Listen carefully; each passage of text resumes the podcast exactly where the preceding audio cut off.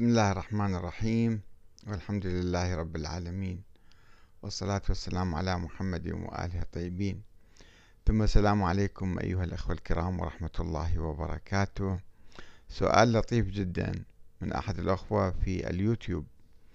يقول يخاطب أحمد الكاتب يقول ماذا ستفعل لو ظهر الإمام المهدي؟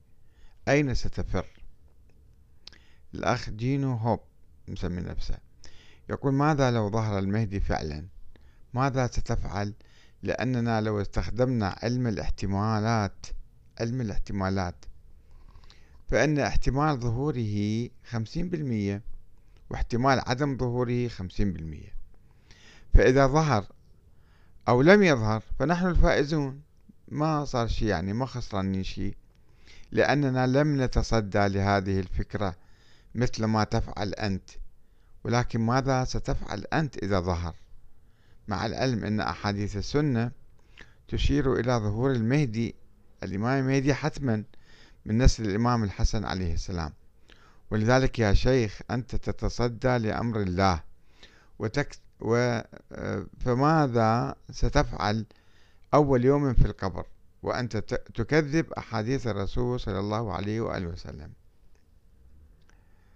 فأجابه أحد الأخوة يقول أخي ماذا لو ظهر بوذا وكريشنا مخلص الهندوس وإلههم؟ و و وكذا من آلهة ومخلصي الأديان الوثنية التي ليس لديها دليل غير ما يشعر به المؤمن والمعجزات التي لم يرها أحد إلا عجوز بقرية من زمان أو ظواهر فيزيائية. أين وصل بنا الحال؟ رجعنا للجاهلية. باتباعنا الآباء وتقاعسنا عن اتباع من ادعينا حبهم زيفا وزورا. أبو البيت يعني يقصد النبي محمد صلى الله عليه وسلم. أبو البيت حارب الجاهلية بوحي الله الثقل الأكبر القرآن يعني. لم يحرف. موجود ما عذرنا أمام الله من هذا التقاعس. افتحه وتدبره للخلاص من أمام الله قبل فوات الأوان. لا تتعلق بأشخاص جعلوا من أنفسهم وكلاء لإمام لكنه غائب. يظهر ويختفي لهؤلاء الذين نصبوا أنفسهم لاستغلال البسطاء والتكسب منهم. هذا مثل صار دين جديد يلغي أبو البيت يعني يلغي النبي محمد الذي كانوا يدعون يدعو للتعلق بالخالق ودعاءه وحده. لا شريك له. مالك يوم الدين إياه نعبد وإياه نستعين. دين جديد يلغي كلام الله بسبب روايات ضعيفة. مو روايات فرضيات وهمية. يأتي بدين جديد يلغي شريعة الإسلام ويحرم على أتباعه فتح كتاب الله لتدبره إلا المعمم. حتى المعمم يفتح كتاب الله ما يتبعه. ثم يفتح لك ثم تغلقه كيما تكتشف أنك صرت ضد أبو البيت. آه، في الحقيقة هذا نفس الكلام الأخ آه، هذا السائل الأول أو المعلق الأول اللي اعترض علينا. هذا آه، أيضا في واحد كان شيخ معمم هنا في لندن. عندما طرحنا عليه هذه المسألة فقال نفس الشيء. قال يوم القيامة إحنا مو خسرانين شيء. يعني إذا آمنا أو ما آمنا إذا ظهر أو لم يظهر إحنا مو خسرانين بس أنت إذا كان حقيقة وموجود فعلا وجزء من الدين وما آمنت به سوف يحاسبك الله يوم القيامة. فقلت له بالعكس الله سبحانه وتعالى لا يحاسبني على شيء لا دليل عليه.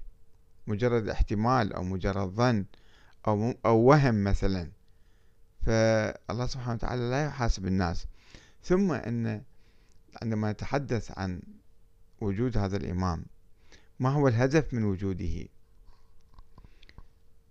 الإمام يعني الحاكم وهذا يرجع إلى مسألة الحكم بعد رسول الله أنه الحكام من زمن وفاة رسول الله إلى يوم القيامة.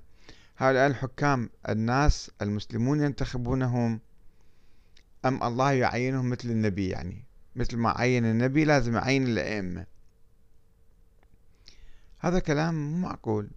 1400 سنة ما عندنا حكام الله معينهم إلا مجرد دعاوى ذهنية في الذهن يعني عند بعض الناس أن الله عين هؤلاء الأئمة الاثنى عشر والثاني عشر غاب. طيب إذا الله كان لازم يعين أئمة إلى يوم القيامة ما لازم يغيب الإمام؟ الغيبة تتناقض مع نظرية النص والتعيين من قبل الله. وهذا التناقض واضح ولكن الناس السذج البسطاء لا يدركون هذا التناقض. ثم إحنا الآن واجبنا ما هو؟ واجبنا ننتظر هذا الإمام المفترض المعين من قبل الله ونجلس 1200 سنة من دون أن نقوم بأي عمل سياسي أو عمل آه، حكومي أو إقامة دولة أو أمر بمعروف أو نهي عن منكر. وإذا قلنا لا إحنا يجب أن نقوم بذلك. طيب هذا الرئيس اللي نحطه الآن نحطه من من عندنا وبأي مواصفات. فإذا إحنا نسفنا نظرية الإمامة. لذلك أقول الشيعة اليوم سواء في إيران أو في العراق أو في أي بلد آخر هم عمليا ضد فكرة انتظار هذا الإمام واشتراط العصمة والنص في رؤساء الجمهورية والحكام. دام لا يشترطون يقولون يكفي الفقه والعدالة مثلا في إيران. في بلاد أخرى مثل العراق يكفي يكون إنسان مثلا مواطن صالح. لم يعد الشيعة يؤمنون عمليا ما يترتب على هذا الإيمان. مو مجرد فكرة سواء يعني نؤمن بها أنه واحد موجود ويوم القيامة الله يحاسبنا. لا اليوم يعني الواجب العملي تجاه هذا الإنسان ما هو. أنه إحنا ننتظره ولا نعمل بأي شيء أو لا نقوم ونؤسس يعني من دون شرط العصمة والنص كما هو حاليا آه، آه، ما يطبقه الشيعة في كل مكان عموم الشيعة ولو يعني بعض الناس يعني لا يزالون ينتظرون ولا يشاركون في أي عمل سياسي. والسلام عليكم ورحمة الله وبركاته.